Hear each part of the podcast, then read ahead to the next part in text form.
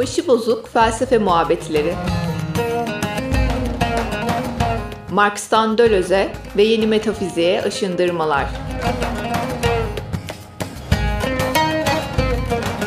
Hazırlayan ve sunan Oğuz Karayemiş.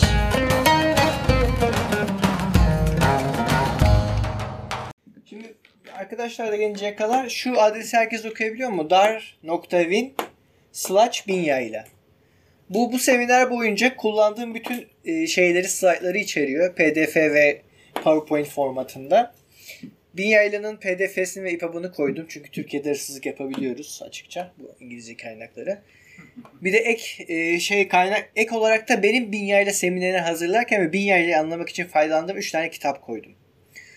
Biri Atkins'in kitabı. Atkins'in kitabı e, bayağı gerçekten iyi bir kitap. Diğer, diğerinin yazarını unuttum. O da zaten bu alandaki çok büyük uzmanlardan biri. İkisinin de isimleri birbirine çok yakın. Diğeri Manuel Delanda'nın Yayın Bilim kitabı. Yayın Bilim ve Virtüel Felsefe kitabı. Hepsi İngilizce maalesef tabi. Yayın Bilim ve Virtüel Felsefe kitabı aslında orijinal bir eser sayılır. Sadece bir dünya yorumu değil. Hatta alakası da yok belli bir anlamda.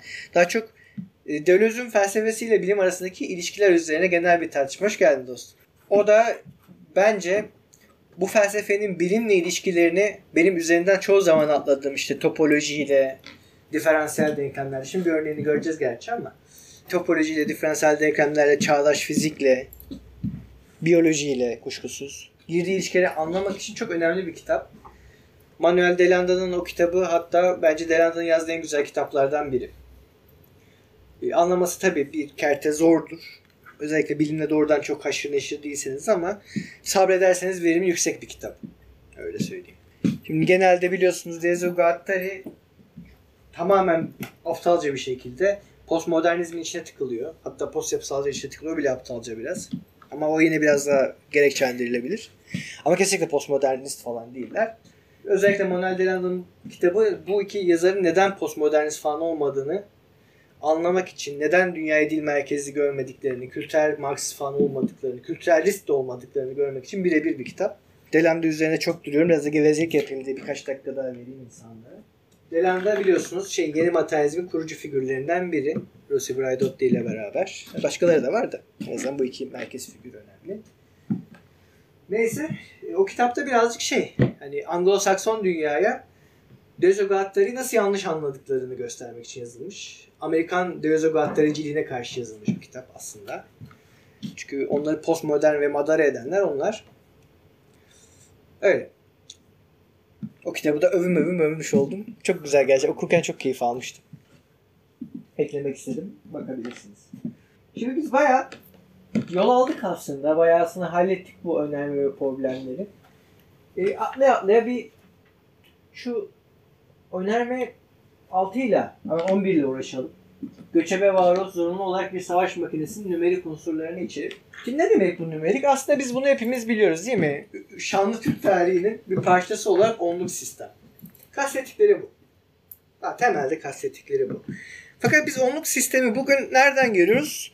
Disiplinler, disiplinli ordunun yani devletin bir kurumu olarak ordunun bakış açısından görüyoruz ve ordu bizim için eşittir katı disiplin ve hiyerarşi demek. Ama göçebelerin onluk sistemi böyle bir şey değil. Deleuze Guattari diyor ki devletler savaş makinesini kaptıklarında, ele geçirdiklerinde ondan onun tutarlılık kazanma ilkesi ya da tutarlılık ilkesini de aldılar ama sadece ilkeyi aldılar. Onu hiyerarşik bir değil mi, örgütlenmenin şeyine e, uyarladılar sadece. Yani onluk sistemi aldı biliyorsun. Bütün artık neredeyse ulus devletlerin orduları onluk sistemi kullanıyor. Onluk sistemle erden başlıyor işte. Erler, onbaşılar, yüzbaşılar, değil mi? Binbaşılar, yarbaylar, albaylar. Albaylar emekli oluyor, kapı şeyleri, apartman yöneticileri. Neyse, bildiğimiz onluk sistem bu. Şimdi normalde bu nasıl aslında orduların bakış açısından bildiğimiz bizim dünyamızın bakış açısından bu bir hiyerarşi demek yani. Erden onbaşıya gidiyoruz. Komut hiyerarşisi bu. Onbaşı işte yüzbaşından emir oluyor. Yani her zaman böyle olmak zorunda değil ama hani temel işleyişi mantığı açısından. işte binbaşı yüzbaşıyla muhatap oluyor. Yani diğerlerini çok muhatap almıyor. İşte bir belki ne deniyor onlara posta postacısı mı oluyor? Belki onbaşı olarak muhatap alabileceğin yakın daha düşük rütbeli odur hani. Ama hani savaşın işleyişi bakımından, ordunun işleyişi bakımından askerde gitmediğim için birazcık bocalıyorum burada ama askere giden arkadaşlar hatırlarlar. E, tamamlarlar ya da belki eklerler. Orada da katı bir e, kim kiminle ilişki kurabilir hiyerarşisi var. Kim kiminle muhatap olabilir ve nasıl muhatap olabilir. Dolayısıyla aslında ben bunu böyle yan yana çizdim ama günümüz ordularında değil mi aslında bu bir piramit. Yani geometrik bir düzene tabi olmuş durumda. Bu geometrik bir piramit.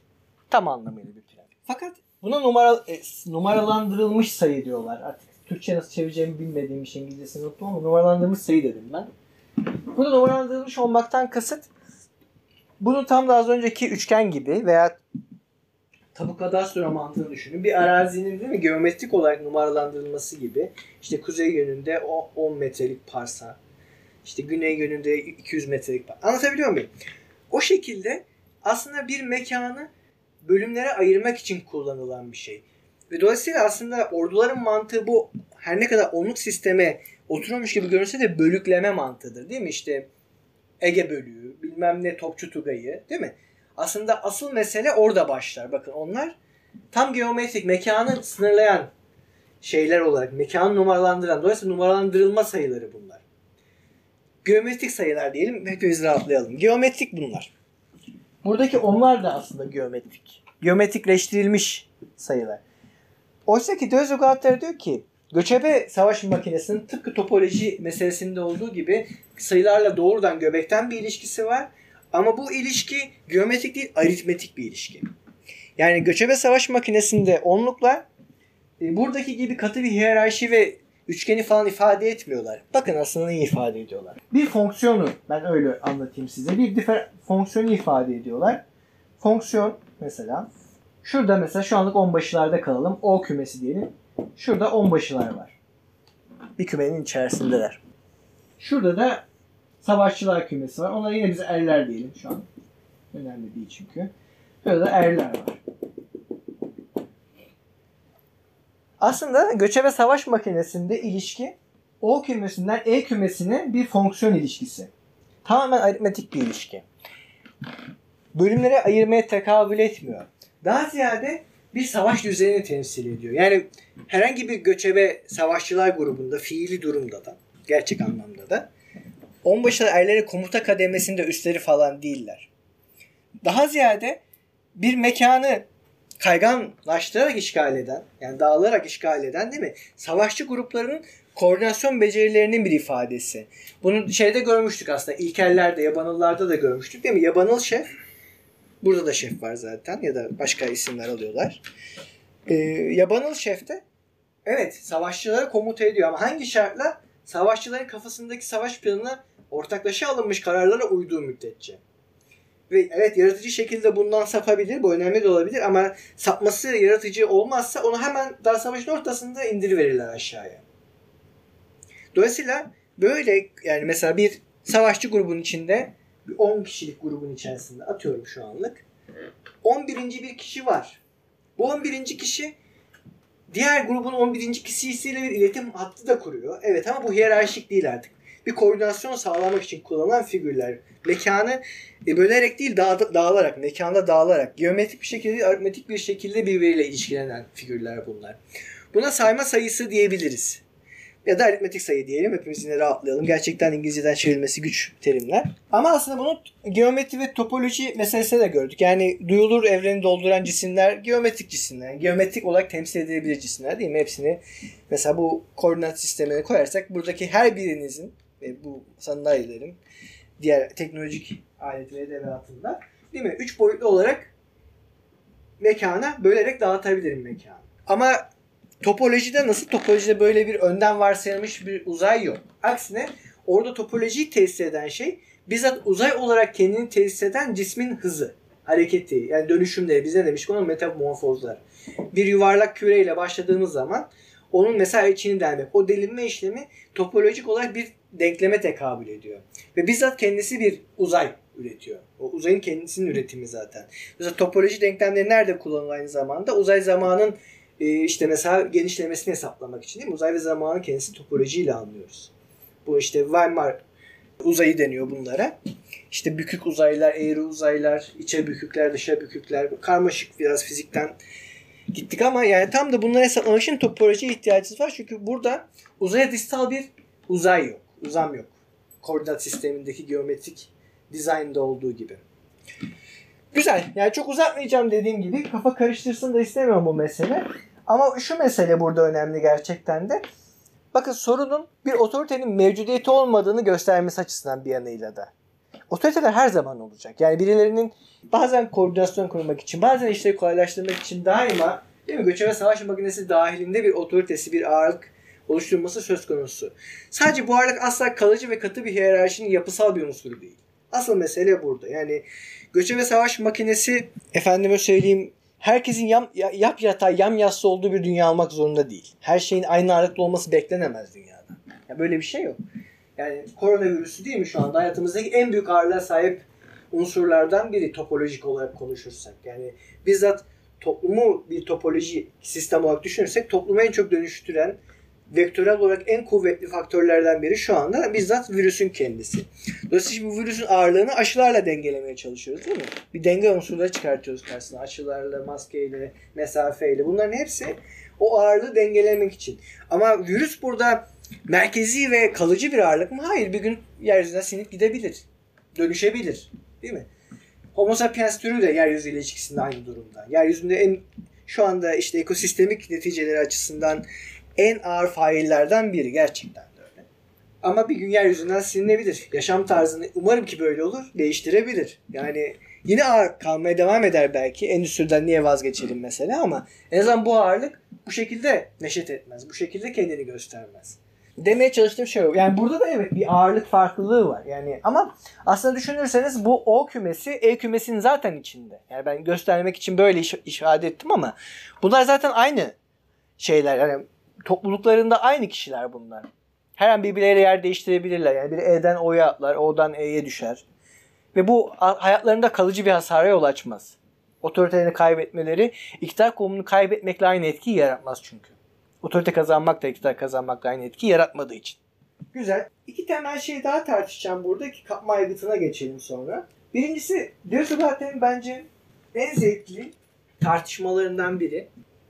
Bu silah ve alet arasındaki farklar meselesi bu aslında önerme 12'nin bir parçası. Göçebe varoluş bir savaş makinesinin silahları olarak tesirlere sahiptir.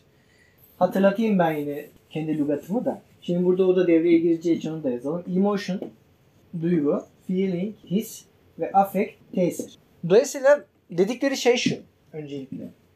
Göçebe savaş makinesinde silah haline gelen şey bizzat tesir. Tesir örgütlen, yani tesir düzenlemesi öyle diyelim göçebe savaş makinesi. Afek üretiyor, afek dolaştırıyor, afekleri dönüştürüyor. İşi de bu.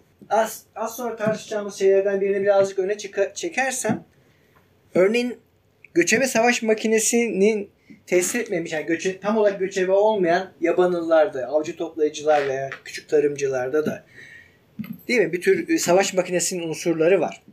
Ama bu unsurlar ilk, o yabanıllar için şu işlevi görüyor sadece. Kendi işlerinde hiyerarşinin oluşumunu. Ona demiştik? Def etme ilişkisi. Devleti öngörüyorlar. Devleti de kapitalizmi de aslında sermayeyi de. Fakat bütün mekanizmalarını yabanıl topluluğu içerisinde, yabanıl yerleşkesinin içerisinde, yer yurdunun içerisinde zenginlik farklarının oluşmasını engellemek için kullanıyorlar. Ve bunun en büyük boyutu savaştı. Yani savaş da o işe en büyük mekanizmaydı. Ama yabanıllar devletlere doğrudan karşı karşıya gelmiyorlar. Yani karşı karşıya geldiklerinde kendini savunuyorlar da işleri bu değil. Temelde yabanıllar kendi hallerinde kalmak gerektiğinde gerektiğinde ya da mümkün olduğunda devletli toplumlarla veya kapitalist toplumlarla da çağımızda da birkaç yüzyıl önce de en azından gördüğümüz şey bu. Mübadele ilişkilerine giriyorlar. Böyle temaslar oluyor. Ama o kadar. Yani temas edip geri dönmek istiyorlar. Oysa ki göçebeler, göçebe savaş makinesiyle ifade edilen gruplar yağmacılar. Yani kurra insanlar bunlar. Yabanıl değiller o anlamda. Yani yabanıl topluluktan bambaşka bir düzenlemeye sahipler. Yani orada sadece defetme mekanizma olarak kullanılan şeyler savaş makinesi adına layık bir şekilde doğrudan devletli toplumlar üzerinde tesir yaratmak için kullanılıyor. Ya bunlar bu tesirleri korku gibi hislerle ilişkilendirebiliriz değil mi? Yani yerleşiklerin bakış açısından en azından devlet toplumun bakış açısından ama her yukarıda onlar tesirler yaratıyorlar bulundukları coğrafyalarda. Ne, neydi bu yaylanın tarihi? Kimin ölümüydü ya? Cengiz Han'ın ölüm tarihi. Neden ölüm tarihi olduğu konusunu en son konuşacağım.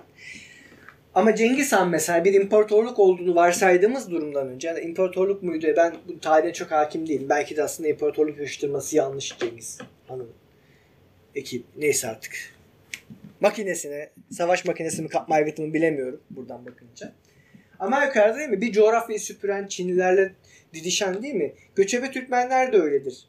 Yani tek başına bıraktığınız zaman da, da yani bir alana yerleşirken o alandaki yerleşiklerle bir savaş ilişkisine girerler zaman zaman. Yabanılar gibi değiller yani onu söylemeye çalışıyorum. Dolayısıyla e, aslında Rezulatter'in söylemeye çalıştığı şey tesir üretmeyen bir savaş makinesi yoktur. Daima savaş makinesi tesisler üretir ve sadece tesirler üretir. Kan, ortalık kan gölüne döndüğü zaman bile ürettiği şey tesirdir. Tesir üretir. Şimdi bu ayrım meselesine gelelim. Şimdi aslında şu antropoloji, etnoloji ve aslında tabii ki de metalurji tarihi açısından da silahlarla aletleri birbirinden ayırt etmek kolay değil. Yani bir tırpanı değil mi? Toprağı kazmak için de kullanabilirsiniz ya da bir işte neyse orağı ekim biçmek için de kullanabilirsiniz. Ama birini öldürmek için de kullanabilirsiniz doğal olarak. Mesela bazı antropologlara göre burada birinin alıntı da yapıyorlar. Uzun bir bin yıllar boyunca silahlar ve aletler, tarım için kullanılan aletler bilhassa aynı kalmış olmalı. Gerçekten de balta, o ağaçla kesersin. Baltayla savaşla girersin. Kılıç bile neredeyse öyle. Kılıçla e, mesela tırpan başka şeyler birbirine benzemiyor değiller yani.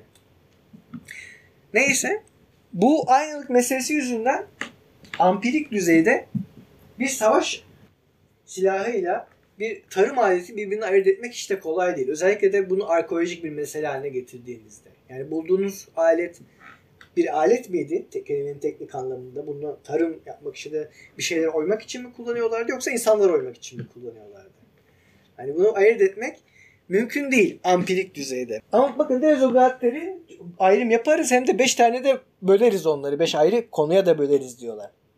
Çünkü burada önemli olan şey o duyulur cismin kendisinin bir savaş aleti mi pardon tarım aleti mi savaş silahı mı olduğuna karar vermek değil. İkisi de o ampirik aletin düzeyinde sorarsak. O zaman yanlış bir soru soruyoruz. Tam da bir şeyi silah haline getiren şeyle alet haline getiren şeyi sormalıyız. Ampirik olarak şu bir silah mıydı alet miydi değil. Bu yanlış bir soru. Çünkü teknik olarak şu da silaha dönüşebilir. Değil mi? Düğün kavgalarını hatırlayın Türkiye'de en eğlencelilerini. Kafalarda sandalye yakıyor. Demek ki sandalye bir silahmış. Yani düşünün Allah korusun kimsenin başına böyle bir şey gelmesin. Tam düğündesiniz, çifte telde oynuyorsunuz, kavga çıktı. Kavga ediyorlar, sandalye kafalarda kırılıyor tamam mı? Tam bunlar olurken bir ekolojik felaket herkes ölüyor. Bina tepelerine yıkılıyor kalıyor. Bir, bir milyon yıl geçiyor aradan arkeologlar geldi kazdı. Orada kırık sandalye plastikleri rastladı. Bu sandalye ne olarak değerlendirecekler? Silah mı bunlar şimdi?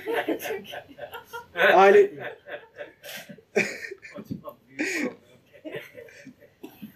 Sorunun yanlışlığı bu saçmaya indirgemeden anlaşılıyor değil mi? Soru böyle soru olursa yanlış bir soru sorulur.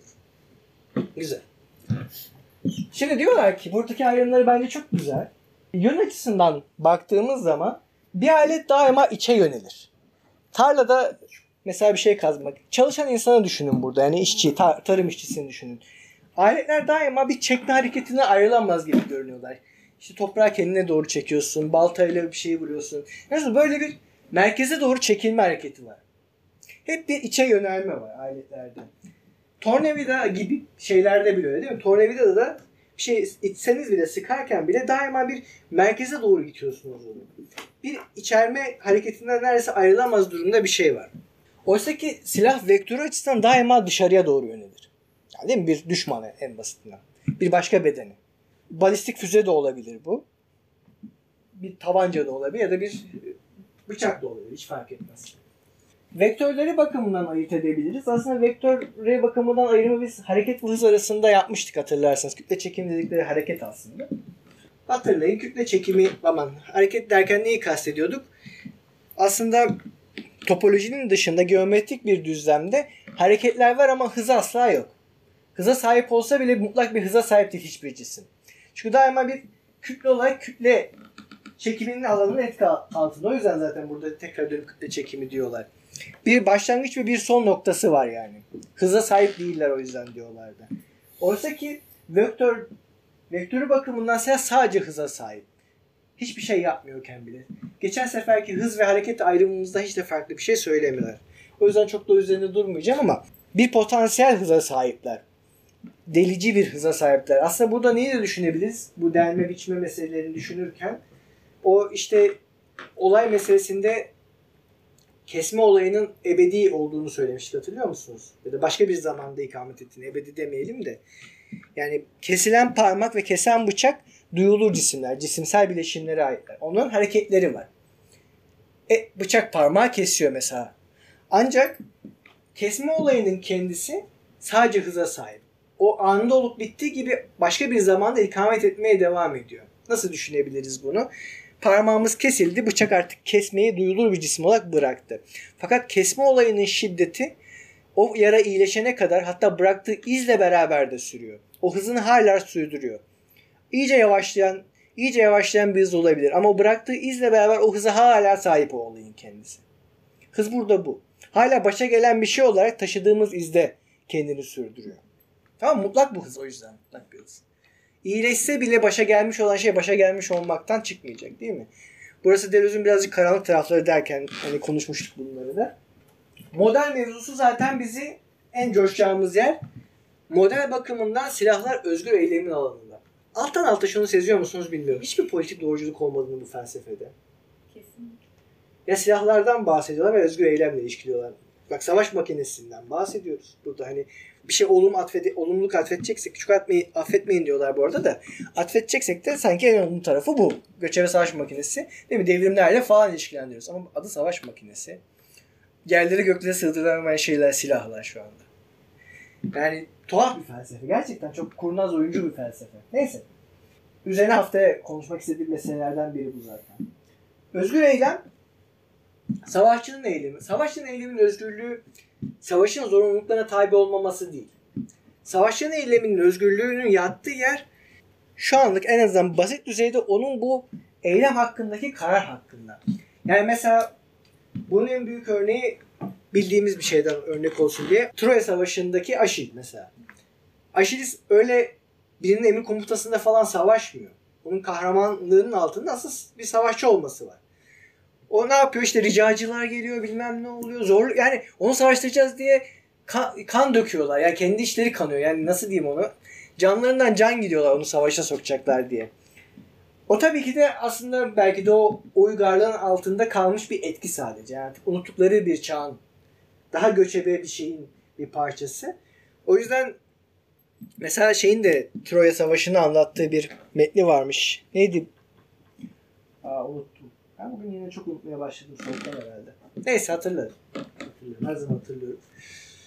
Mesela orada Amazonları doğrudan oyuna sokmuş. Aşil ve Amazonlar arasında da bir ilişki kurmuş yazar. Alman yazar ya neydi? Geçen edebiyatından geçen hafta konuşmuştuk ya. Kolhas'tan falan bahsetmiş. Kitabın ismi aklımda. Her şey. Kleist. Kleist. Kleist'in bir oyunu varmış. İngilizcesini de buldum sanırım ama Türkçesi yok. Bu oyununda mesela doğrudan Aşil'le şeyler Amazonları dahil etmiş oyuna. Amazonlar var. Aşil Amazon prens şeyiyle lideriyle evleniyor falan öyle. Daha da karmaşıklaştırıyor tabloyu mesela. Tam bir deli olduğu için. Ama alet gördüğünüz gibi işle ilgili. Yani o yüzden aslında devletle ilgili birazdan göreceğimiz üzere özgür eylemin veya özgür etkinliğin karşısına iş çıkıyor. Çalışma çıkıyor ya da work. Çalışmada işte diyebiliriz. Tanı bakımından meseleyi konuştuk aslında. His meselesini birazcık belki de ele almak lazım. Hep diyoruz yani bir devletin bir duygu politikası var. Duygu politikası derken biz afekte göndermede buluyoruz yazın alanında. Sosyal bilimde özellikle. Çoğu zaman. Ya da nadiren de olsa emotion'a göndermede bulunuyoruz. Ama aslında hata yapıyoruz. Devletin bir his politikası var. His üretme politikası var. Dözüm verdiği ayrım bence güzel. Tesir duygunun doğrudan ve etkin boşaltımıdır. Yani bu libidinal meselesi üzerinden de düşünebilirsiniz Antiödipus'taki. Arzu tam da duygu ve tesir bağının bu doğrudanlığı ve etkinliği bakımından değil mi? Doğrudan yatılım yapar işte toprağa, başka insanlara olduğu kadar aletlere, makine mi? Orada da Arzu'nun ana tanımlaması oydu. Ve gerçek bir etkinliğe ulaştığı zaman onlara artık hiçbir dolayınma gerek kalmadan yatırım yapabiliyordu. Bilinç dışını etkin bir şekilde üretebiliyordu. Burada da aynı şey geçerli. Bir duygu doğrudan boşaldığı zaman tesir üretiyor ya da bir duygunun doğrudan boşalmasına tesir diyoruz. Bu savaşçının coşkusu olarak düşünebilirsiniz. O coşkunun, o heybetin yarattığı korkularla beraber kuşkusuz. Oysa ki devlet daima özellikle bunu şey olarak düşünün mış gibi yapılan hisler üzerine kurulu. Yine tehlikeli laflar edelim. Gerçi şu, şu anda AK Parti döneminde o kadar tehlikeli olmayabilir. Mesela andımız okurken o duyulan coşku, his. Orada o his ama. Ya tam bir tesir üretmiyor artık. O bir çünkü kelimeyi seçemiyorum. Tiyatro diyesim geldi. Burada taşlanacaktım. Burada bir şey. Şunun içindeyiz çünkü. Şov bir tür evet bir tür show, bir tür mış gibi yer yapma meselesi. Ya tiyatro Gösteri hocam. gösteri diyelim. O da o da Tiyatro yani. diyelim hocam ya. He? Ne olacak tiyatro diyelim. Tamam. O kadar da bozulmaz o. Twitter'da akşam. Twitter'da. Kimler kimler dedi. Nereden diyor. Şeyin Mason'un duygu politikası var ya onun orijinal ismi ne? Afet mi? Afet galiba o da onda da. Emin değilim. Pürüzlerle yakın kuruyor ya. Çok yakın kuruyor da. Mi? Şimdi kitabı hatırlayamadığım için üzerinden bir şey diyemeyeceğim Masumi için. Masumi sana farklı şeyler de söylüyor olabilir. Benim kastetmeye çalıştığım şey şu. Yani mesela eğer mesela işte ulusalcılığın efendime söyleyeyim devletin yarattığı diğer bir takım duyguların şu an şöyle diyelim etrafında kuracaksak hisle afek hisle tesir arasında afekle feeling arasında ayrım kurmak ilginç olabilir. Sosyal bilime ilginç bir şey katabilir bu. Yani aslında bunlar afekleri yönetmiyorlar. Yönetemezler de. Kapasiteleri yok çünkü. Ya kapasit Allah aşkına andığımız okumanın kimin üzerine tesiri var? Anlatabiliyor muyum? Yaka, ona, onun, ondan tesirlenmek için bambaşka bir şey gerekir. Yani bambaşka bir bağlanma gerekir. Genel bir şey olarak bir şey üretmiyor yani. Hisler üretiyor ama. Mesela korku dolu hisler üretiyor olabilir. Mış gibi yapılan bir sürü şey üretilebilir ama tam anlamıyla bir savaş makinesinin yarattığı tesir anlamında tesir üretmiyor. Yeni bir şey üretmiyor çünkü. Yeni bir şey yok. Olanı olduğu gibi tekrara gömülü. Ya da şöyle söyleyeyim. Emotion'ın tesir olarak boşalımı ne kadar aynının tekrarına düşerse o kadar hisse dönüşür. Yani artık kalmış, kala kalmış, direnen bir duyguya. Emotion anlamında kullanıyorum. Duy- zaten öyle diyorlar. Duygunun duygudan arta kalan ya da arta kalmış bir duygudur his. Ancak hatırlanabilen, yani geleceğe açılmayan, geçmişte kalan bir şeyin bir parçası. Andımız da öyle değil mi birazcık? Andımız örneği bence güzel bir örnek. Ama iyi bir şiir, mesela güçlü bir şiir değil mi? Tesir eder. Geleceğe doğru iter. Yani hüzünlendirir, şey yapar falan. Geçmişten parçalar da koparmaz değil bu arada ama her yukarıda bir düzenlemeyi değiştirme kudreti kazanabilir. İyi bir şiir, iyi bir şiir kitabı, iyi bir roman, iyi bir tiyatro eseri artık hani göçebe savaş makinesi ilerlediği yerlere gidersek ve bir devrim kuşkusuz, bir aşk. Son ayrıma da bakalım ifade bakımından. Diyor ki bir tarafta aletler daima göstergeler ilişkili. Yani aletler değil mi? Aslında içerik. Tırpan mesela bir içerik. İçeriğin bir parçası. Hatırlayın içerik ifade ayrımımızı bizim. İçerik neydi? Şeylerin makinesel bileşimiydi. Makinesel bir düzenlemesiydi. Diğer tarafta işte ifade düzenlemesi, kolektif sözcülem düzenlemesi var. Dolayısıyla onun ifadesi daima göstergelerdir. Yani bir yerde tırpan varsa, bir yerde tarla geometrik olarak dizayn edilmişse, hemen arkasından bir vergi memuru da damlar oraya. Kastettikleri şey bu. İşin örgütlenmesinin bir parçası olarak bir aletin, bir insan bedeninin veya bir öküzün aynı zamanda. Öküz mesela neydi onun şeyi? Öküzle beraber kullandıkları Saban. saban. Öküz, saban ve insan bileşimini düşünelim. Tamam mı? Bu bir içerik düzenlemesi. Yani makinesel bir düzenleme bu. Bu makinesel düzenlemeye daima ve daima devletin vergi memurları eşlik edecek. Aynı zamanda elektrik faturasını yazanlar eşlik edecek. Su faturasını yazanlar eşlik edecek değil mi? diye. ya ya. Çünkü yazı bunun yazı bu işin daima peşinde. İşi örgütleyen devlet olduğu için devlet işin neticelerinin ve işleyişinin de daima yazıyla peşinde koşacak. O yüzden bürokrasiye ihtiyacı var. Bürokrasi ve yazı, devlet, iş, alet bunlar birbirine ayrılamaz şeyler. Çalışma sürdüğü sürece, iş sürdüğü sürece yazıya muhtacız. Yani bu anlamdaki yazı. Oysa diyor Dezo Guattari, göçebelerin göstergeleri yoktur bu anlamda. Yani onların silah düzeninin ancak mücevheratları vardır. Bunlar göstergeler gibi değil. Yani o, o mücevherat, yakutlar, bilmem neler işte kuru kafalar da olabilir artık ne olursa.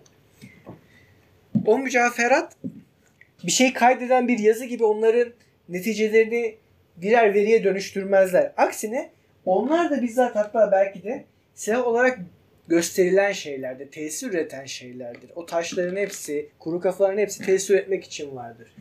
Aynı şekilde bunlar da ordular tarafından kapılırlar değil mi? Nazilerin şeyini düşünün. Nazi ordusunda özellikle ama SS'lerde de kuru kafaları düşünün.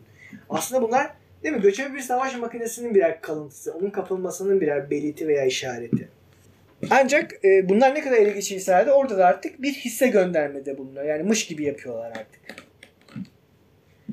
Göçebelerin bakış açısındansa bunlar birer gösterge, birer gösteren, birer hisse, hisse karşılık gelen ne bileyim unsurlar değil. Aksine bizzat kendilerinin yeni tesirler üretmesi gerekiyor.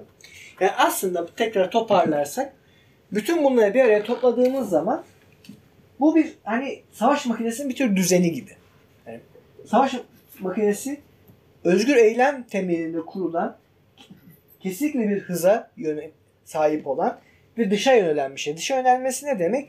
Göçebenin mekan, farklı bir mekana dağılması demek. Sürekli bir işgal hareketi halinde göçebe dışarıya doğru.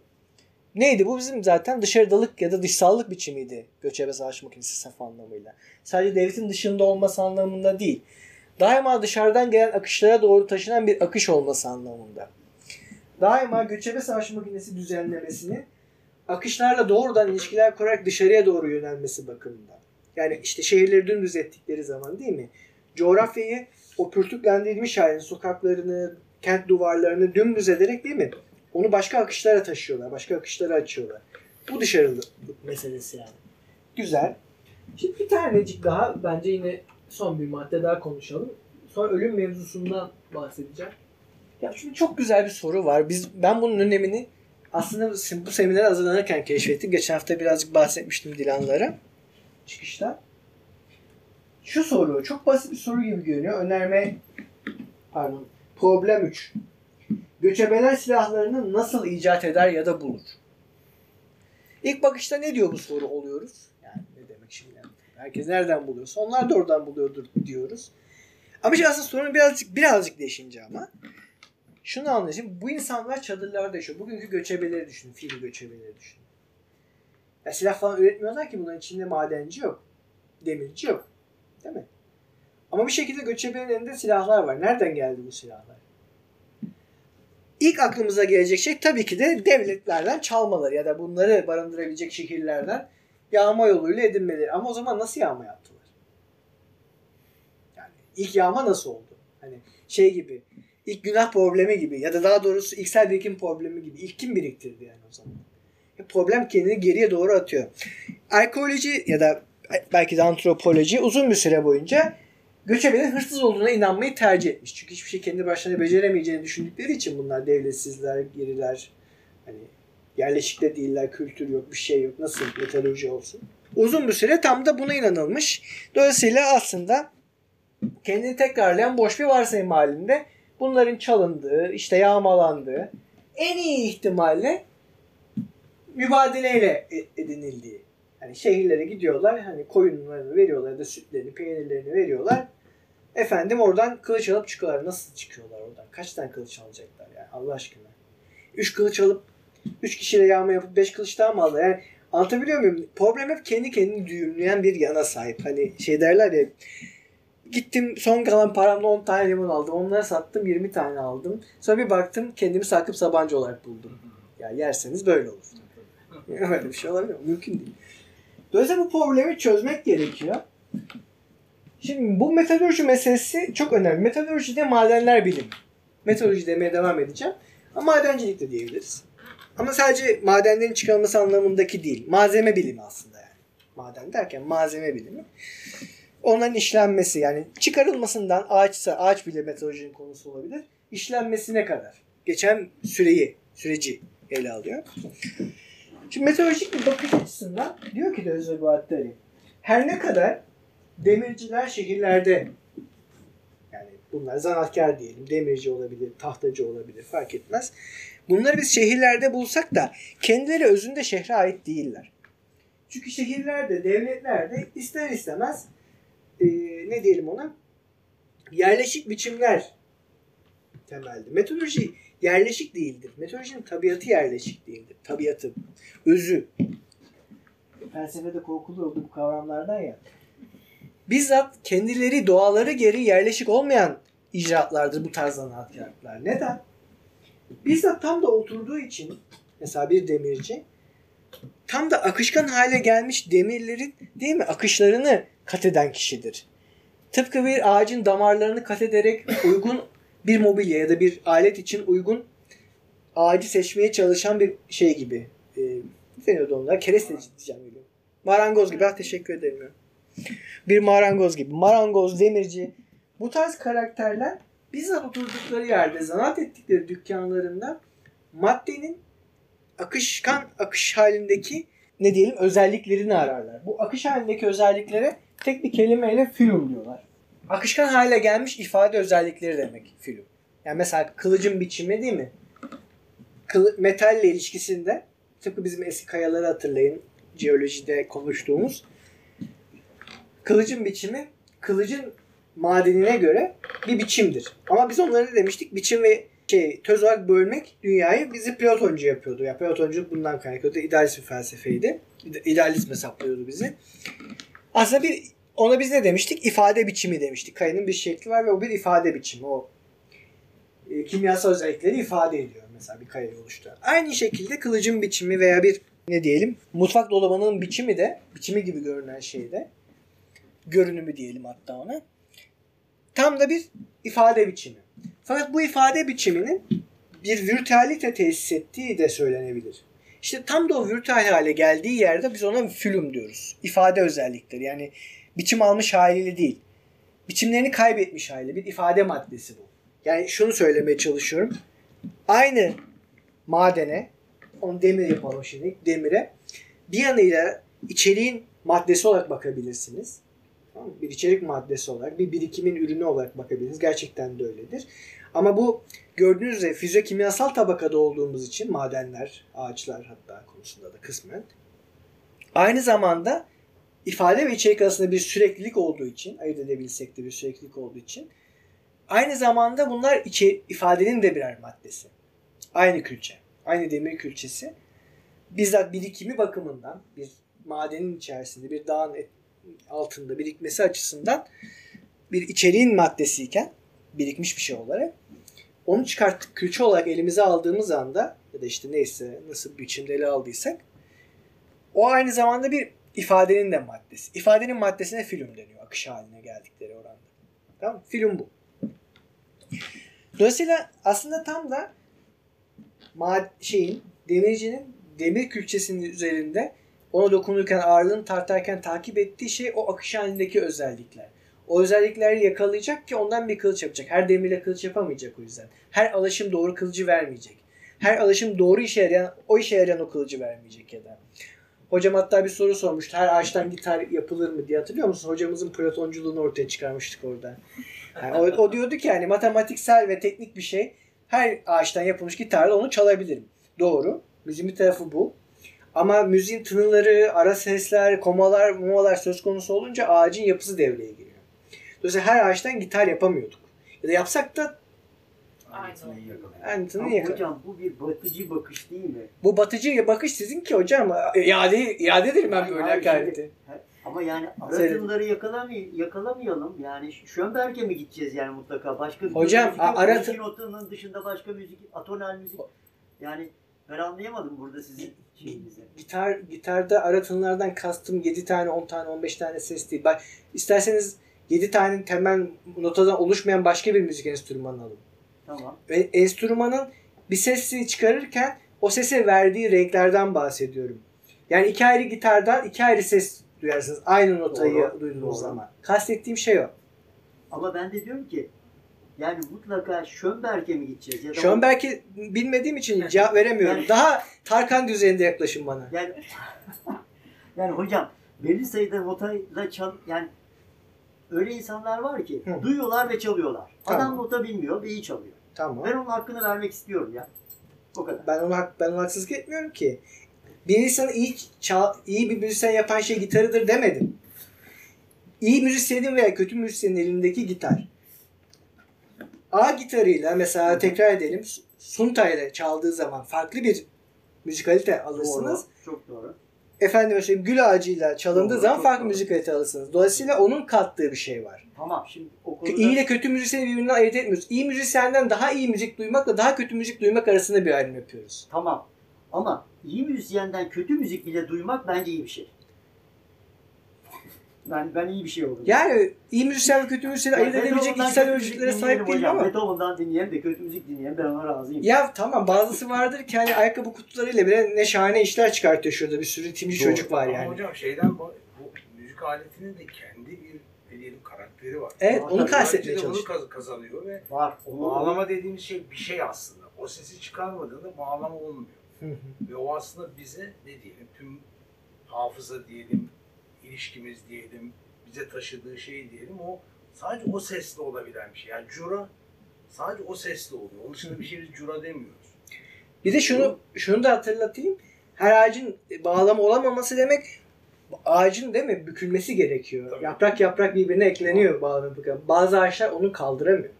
O işlemleri kaldıramıyor, Yani pipo gidiyor. Ben bir dönem içtim. Pipo Hı hı. bir, e, Güzel. yabani gülden yapılan bir şeydir Evet. ve her kökten yapılmıyor. Mesela şeyden yap, kayısının kökünden yapamazsın. Çünkü o pipo olma özelliğini o ağacın kökü bir kere zaten taşıyor. Tamam Çünkü hocam. akışları, o ağacın işte dediğin gibi şeyleri, dediğin- Damarları. damarları, bunların hepsi çok mühim şeyler haline geliyor. Aynen öyle. benim burada tek takıldığım Hatta ya- biçimini bile o veriyor hocam. Tamam. Tabii. Yani gül ağacından keyifli pipo içmek var. Adamın parası yok, bilmem nesi yok. Gitmiş e, limon sandığından bilmem ne pipo yapmış. Hocam abi. niye azar ağzı gelelim ya? Ha? Niye, gelelim? yani o da pipo içsin ya ne yapayım ya o da içsin zevk, ya. zevk diye bir şey var. yani. Zevk hocam değişebilir, dönüştürülebilir Hocam bir o şey pipo değil. o pipo yanar çatlar. Mesele bu. İşlevini o işlevi Dediniyor üstlenemiyor. hocam. Dediniyor. Yani bakın bir şey bir şeyden her şey her şeyden çıkartamayız. Onu söylemeye çalışıyorum. Tamam. Evet. Bu, bu sınırları baştan bilmiyoruz. Denememiz lazım. Belki de ilginç bir şekilde hiç olmayacağını düşündüğümüz bir şeyden başka bir şey çıkartabiliriz. İdealizm nasıl görüyor dünyayı? Tekrar o aslında birazcık sorup bir tartışmaya çekeyim sizi. İdealizm nasıl görüyor dünyayı? Biçimler var. Bu biçimler evrendeki her maddeyi biçimlendirebilir. Yani dil mesela değil mi? Toplumsal inşacılık dediğimiz çağdaş idealizm biçimi. Ne yapıyor? Diyor ki dil her şeyi üretiyor. Toplumsal ilişkiler her şeyi üretiyor ya da. Ya bu toplumsal ilişkiler öyle biçimler ve geri kalan dünyadaki her şey öylesine edilgen, öylesine dirençsiz ki her şekli alıyor söyleyince. Her şeyi alıyor o göstergeler zincirine eklemlenince cisimler. Cisimler öyle şeyler değil. Cisimlerin çok net direnç eşikleri var. Değişime kendilerine özgü tarzda eğilimleri, istikrara kendilerine özgü tarzda eğilimleri var. Bunları değerlendirmek zanaatkarın işi şu örnekte. Zanaatkarın işi tam da e, dirençleri, eşikleri ve e, uygun biçimleri icat etmek ya da onlardan çekip çıkarmak. Konumuza dönersek dolayısıyla her ne kadar kendi içinde zanaat dediğimiz şey şehirle ilişkilendirdiğimiz bir şey olsa da soyut bir çizgiyi takip ettiği oranda bu tarz metalurjik faaliyetlerin hepsi aslında göçebe savaş makinesiyle yüz yüze geliyor. Onun bir parçası, o aksamın bir parçası. Paradoksal bir yere vardık. Şehirde ikamet eden, yani bakın diyorduk ki devletten çalmaları gerekiyor. Şimdi diyoruz ki devlet onlardan çalmış demek ki. hırsız, Yavuz hırsız ev sahibini bastırır arkadaşlar. Bunu asla unutmayın. Deniz Guatleri burada Yavuz bir hırsızlık yapıyor ama tam aslında bunu söylemiyorlar. Söylemeye çalıştıkları şey şu. İster yerinde otursun, ister ya da uygun bir çeliği aramak için mesela uzak keşiflere çıksın değil mi? Doğru ağacı bulmak için işte coğrafyada hareket eden bir marangozu düşünebilir mi? Tabii yapıyorlar böyle şeyler. Yapmıyor değiller. Gerçi günümüzde artık her şey ayağına geliyor. Bir AliExpress'ten söylemene bakıyor. Çin'den her şey gelebiliyor Türkiye'ye de. Ama yine de hani o uzak geçmişte diyelim. İnsanlar değil mi doğru maddeyi bulmak için keşfe de çıkıyorlar. Ağaçların arasında geziniyorlar, dokunuyorlar. Bugün bile yapıyorlar bunu. Ha- Haksızlık etmeyelim insanlara. Özellikle bu işte daha sanatkarane bir şekilde zanaat icra eden işte bugün enstrüman yapımcıları var. Enstrüman deyince korkmaya başladım. Şaka yapıyorum hocam. Ağzına sağlık. Çok güzel itirazlarda bulundun. Haklı itirazlarda. Ederim hocam. Benim demek istediğim şu. Yani uzak keşfe çıkıyorlar ya. İyi kılıcı yapmak için. Demek ki ilk yaptıkları kılıcı beğenmiyorlar. Ama kılıç o da kılıç. Ama kesmiyor. Bir şey yapıyor. Bir şey oluyor ki beğenmiyor. Ağırlık merkezi yanlış oluyor. Ha, ağırlık doğru- merkezi yanlış çabuk oluyor, çürüyor, çabuk körleşiyor. olmuyor, Yarısı çalışıyor. Bir şey oluyor. Beğenmiyorlar ya ondan sonra. Ama o da bence Size Napo- Napolyon'un bir sözünü hatırlatayım. Diyor ki bir şey yanlışsa bir atın ayağındaki şey neydi ayağındaki? ha şu Nal, nal. Nal, bir nal yani doğru nal değilse değil mi? O atı tökezletir. Atla beraber savaşçı tökezler. Savaşçıyla beraber o birlik birlikle beraber ordu derken bir bakarsın ülke batmış. Hocam demek ki ne kadar savaştan uzak olduğumu da anlatıyor benim Napolyon. Estağfurullah. ben hiç yani, Estağfurullah. yani Hepimiz uzak. Allah hepimizi uzak tutsun ne diyeyim. Ama her halükarda madenciliğin kendisinin işleyişi bakımından yani bizzat dinamizmi, onun kendine özgü dinamizm bakımından göçebe savaş makinesiyle bir akrabalığı var. Maddeleri aynı şekilde tasarlıyor ve düşünüyorlar bu iki şeyde. Yani onlar kendi alanında kalan maddeleri, zanaatkar kendi alanında kalan maddeleri. Dolayısıyla aslında madencilik diyor Dezogatleri tabiatı gereği seyyardır. Yani mesele burada tücc- şeyin, zanaatkarın köy köy kasaba kasaba gezmesi değil.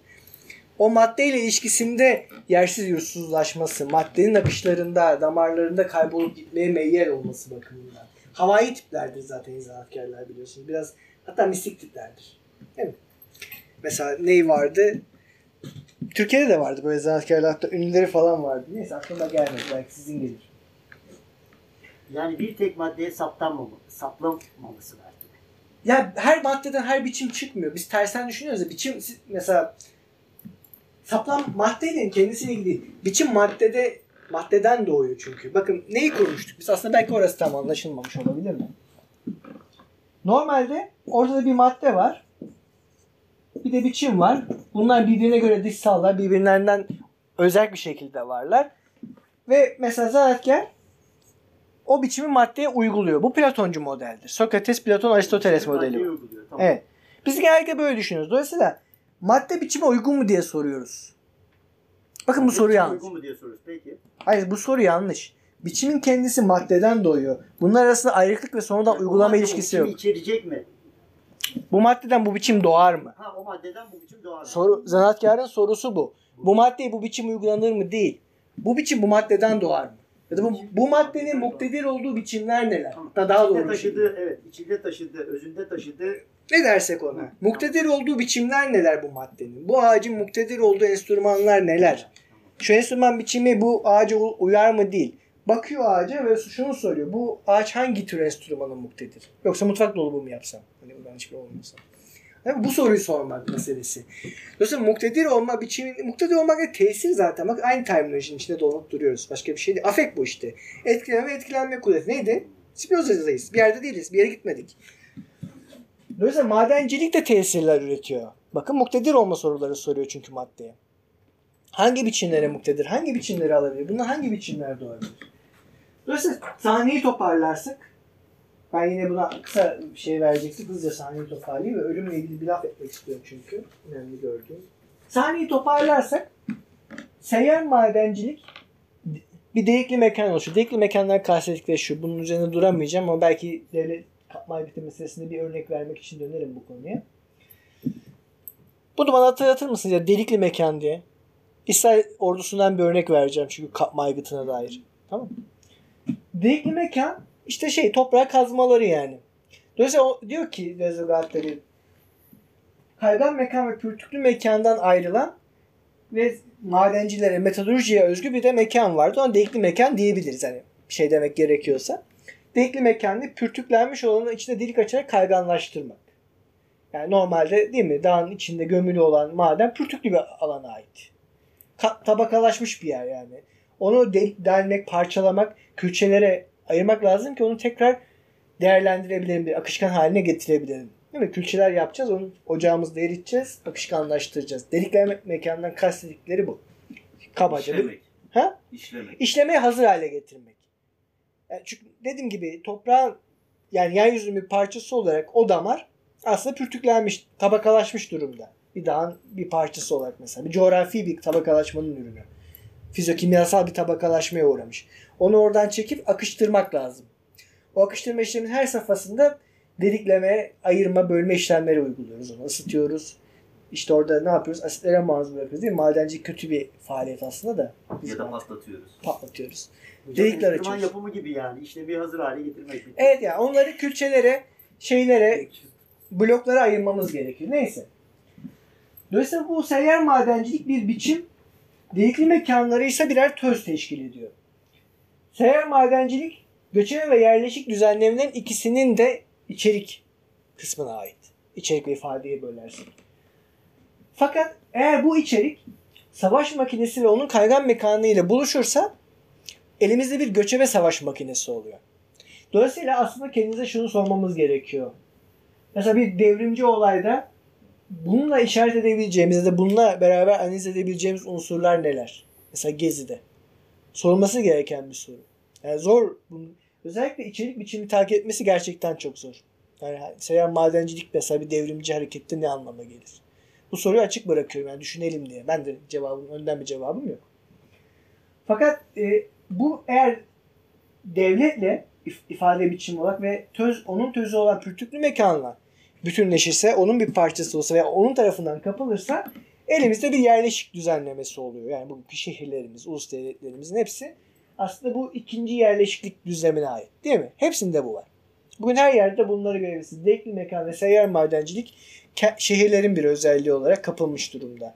İşte odalar tarafından değil mi? Şehirlerde esnaf odaları tarafından düzenleniyor. Bunların kurulları, kararları, devlet tarafından işte hakları, sorumlulukları bilmem ne. Her yer bir ba- başlıyor bitiyor yani.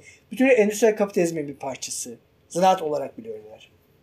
Bunu da böyle birazcık hızlı geçtim ama bu konuya bu delikli mekan konusunda bir şeyde dönelim. Kapma aygıtında. İsrail'in savaş stratejileri bakımından.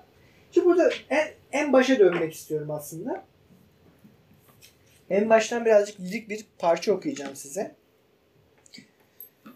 Savaş makinesi yok olduğu, devlet tarafından yenilgiye uğratıldığı anda en yüksek indirgenemezliğini gösteriyor.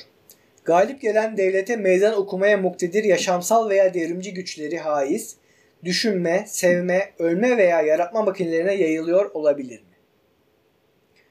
Bu yayının bence kilit sorusu bu önerme birin sonunda sorduğu bu soru. Hocam bir daha soruyu Okuyayım. Savaş makinesi yok oldu.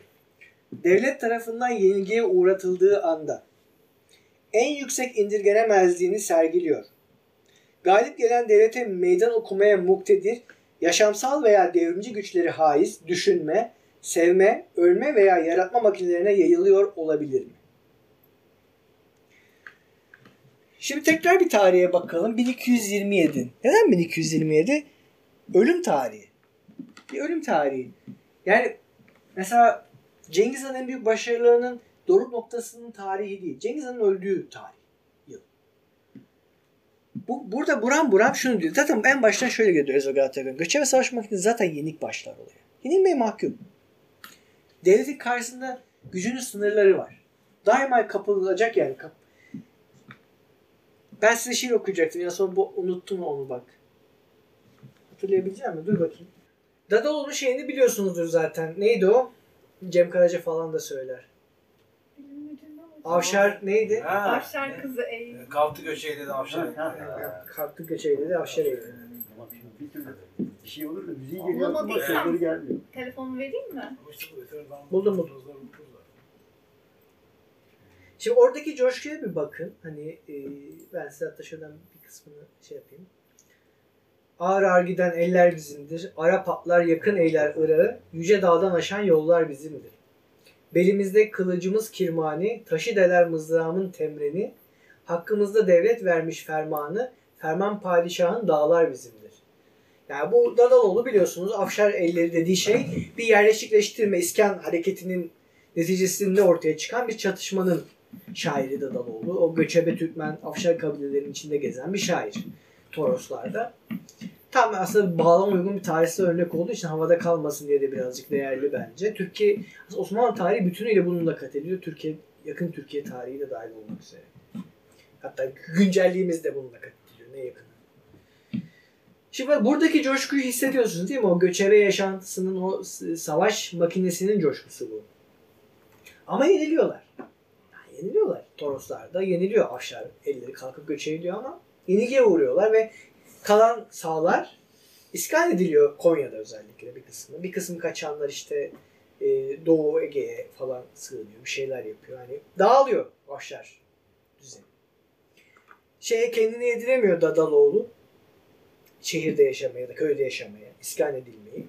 Yediremiyor. O da onlardan ayrılıyor. Toroslar'da kalmış tek tük artık avşar olmayan ama göçebe topluluklar arasında gezip türkü söylemeye devam ediyor. O döneminden bir şiir okuyacağım size. Başlığı da zaten şey halinde. Fırsatı ganimet bildi kötüler. Burada da en çok şeylerle kavga ediyor. Yani Afşarlarla ilişkileri olan diğer Türkmen boylarıyla aslında birazcık kızgın devlet işbirliği yaptıkları için. Fırsatı ganimet bildi kötüler. Böyle kalmaz padişahın çağları. Elinize boyunuza eğlenin. Sizin olsun bin boğanın dağları. El kalmamış bin boğaya çıkacak. ip kalmamış salıncağa takacak. Hemen afşar mıdır başa kakacak. Bir gün olur geri gelir sağları. Padişah tahtına devrim olursa, hak adalet er geç yerin bulursa, eğer bir gün Afşar geri gelirse kovgun eder sizin gibi beyleri. Yani böyle gidiyor bu tonla. Yani böyle bir yenilgi var. Yani bu hissiyat bıtını bir şekilde terk etmiyor. Coşku da var evet, tesir olarak ama bir şekilde yenilgiye yazgılı olmak ama onun yine de geri döneceğine dair bir şey var. Bir his de var. Yani bir şekilde bunların unutulmayacağı, bunların sadece bellek ve hafıza bağlamında bahsetmiyorum bunlara. Bastırılmış olan geri dönüş olarak bahsetmiyorum. Öyle de psikanalitik bir yorumda bulunmuyorum. Daha ziyade şunu düşünün. Ne demiştim? Mesela Osmanlı'nın kuruluşunda değil mi? Türkmen boylarını Osman Bey'i kapıyor. Yani onlarla bir anlaşma yapıyor. Onları savaşçı olarak kullanıyor ve Bizans'ın bölgesinde onun boşalttığı yerlere ve tabii ki savaşla alıyorlar oraları. Yavaş yavaş beylik büyüyor ve devlete devlet giderek işte imparatorluğa doğru dönüşüyor. İmparatorluğa bölüşme anında Türkmenleri bir şutluyor. Çünkü düzenli ordu istiyor. Türkmen beylerinin ordu şeflerini falan istemiyor. Yani savaşçı şeflerini istemiyor. Şutluyor. Ondan sonra bu şutlanmış Türkmenler Osmanlı'nın şeye doğru Azerbaycan'a doğru olan Anadolu yörelerinde yerleşiyor. Bu sefer ne oluyor? Azerbaycan-İran hattından gelen Sufilik geleneğinden Şahlarla değil mi? Şah İsmail'e doğru gidecek olan o hat üzerinde bir karşılaşma yaşanıyor ve Kızıl başlık diye bildiğimiz şey oluşuyor. Ben çok hızlıca kabaca üzerinden uçarak anlatıyorum size bir tarihi ve hatalarıyla artık affedin beni. Bu kızıl başlık sonra bizzat kendi başına bir tehdide dönüşüyor. Şah İsmail ile nihayetinde Huruç'a kalkıyor. Huruç'ta ne yapıyor? Bildiğimiz İran Şahlığını kuruyorlar aslında. Orada da hikaye değişmiyor. Bir süre orada duruyor o savaşçı şefler, kızılbaş şefler, Türkmenler. Oradan da şutlanıp gerisin geriye Anadolu coğrafyasına geri dönüyorlar. Orada da devlet yeniden işte Arap bürokrasisi ve e, Farisi savaşçıları üzerine işte orduları üzerine tekrar tesis ediyor. Din adamları üzerine de. Velhasıl kelam Türkmenlerin böyle göçebe topluluklarının özellikle işte o ilk göçebelikten bir tür Kızılbaşlığa tevdi olması söz konusu. Bu şeyden sonra geri geliyorlar Anadolu coğrafyasına. Ve Yavuz Sultan Selim'le zaten başlayan kavga şöyle tuhaf bir şey yol açıyor. Bir anda bunları yine İskan politikası, Afşarlar bunun bir son ayaklarından biri olduğu için önemli. O devam ediyor ama bir yanıyla da bu savaş makinesini aslında istifade etmeye devam ediyor. Yani ne yapıyorlar? Onu Bektaşilik geleneği biçiminde devletin merkezine çekiyorlar. Bu Bektaşileri ne yapıyorlar? Devşirmelerden kurulu Yeniçeri Ocağı'nın e, değil mi? Ruhani liderliğine yükseltiyorlar. Ne, ne biçim bağlar bunlar? Bakın yani. Alevilik artık Alevilik dediğimiz Bektaşilik dediğimiz şeye doğru evriliyor. Kır Be- Kızılbaşlı giderek ya da Kır Aleviliği giderek kendini köy Aleviliğine bırakıyor. Yani göçebe Kızılbaşlık yerine Kır Aleviliğine bırakıyor doğru tabirle. İşte bugün ne oldu? O Alevilik kendini şehir Aleviliğine dönüştürdü. Bakın bir şekilde buralarda hep değil mi yoksulların arasında o Kızılbaşlık Türkmen geleneği yaşadı ve bakın neredeyse her zaman ya isyanlarla ya da içinden çıkan solcularla anılıyor. Gezi dahil olmak üzere. Gezi doğrudan Alevi isyan diyenler var. İyi veya kötü niyetli. Haklı veya haksız yere bu arada. Ama her yukarıda orada bile Alevilikle ilgili ne diyeyim özellikler bağlantılar keşfediyoruz. Yani o Kızılbaş göçebe şeyi bitmiyor.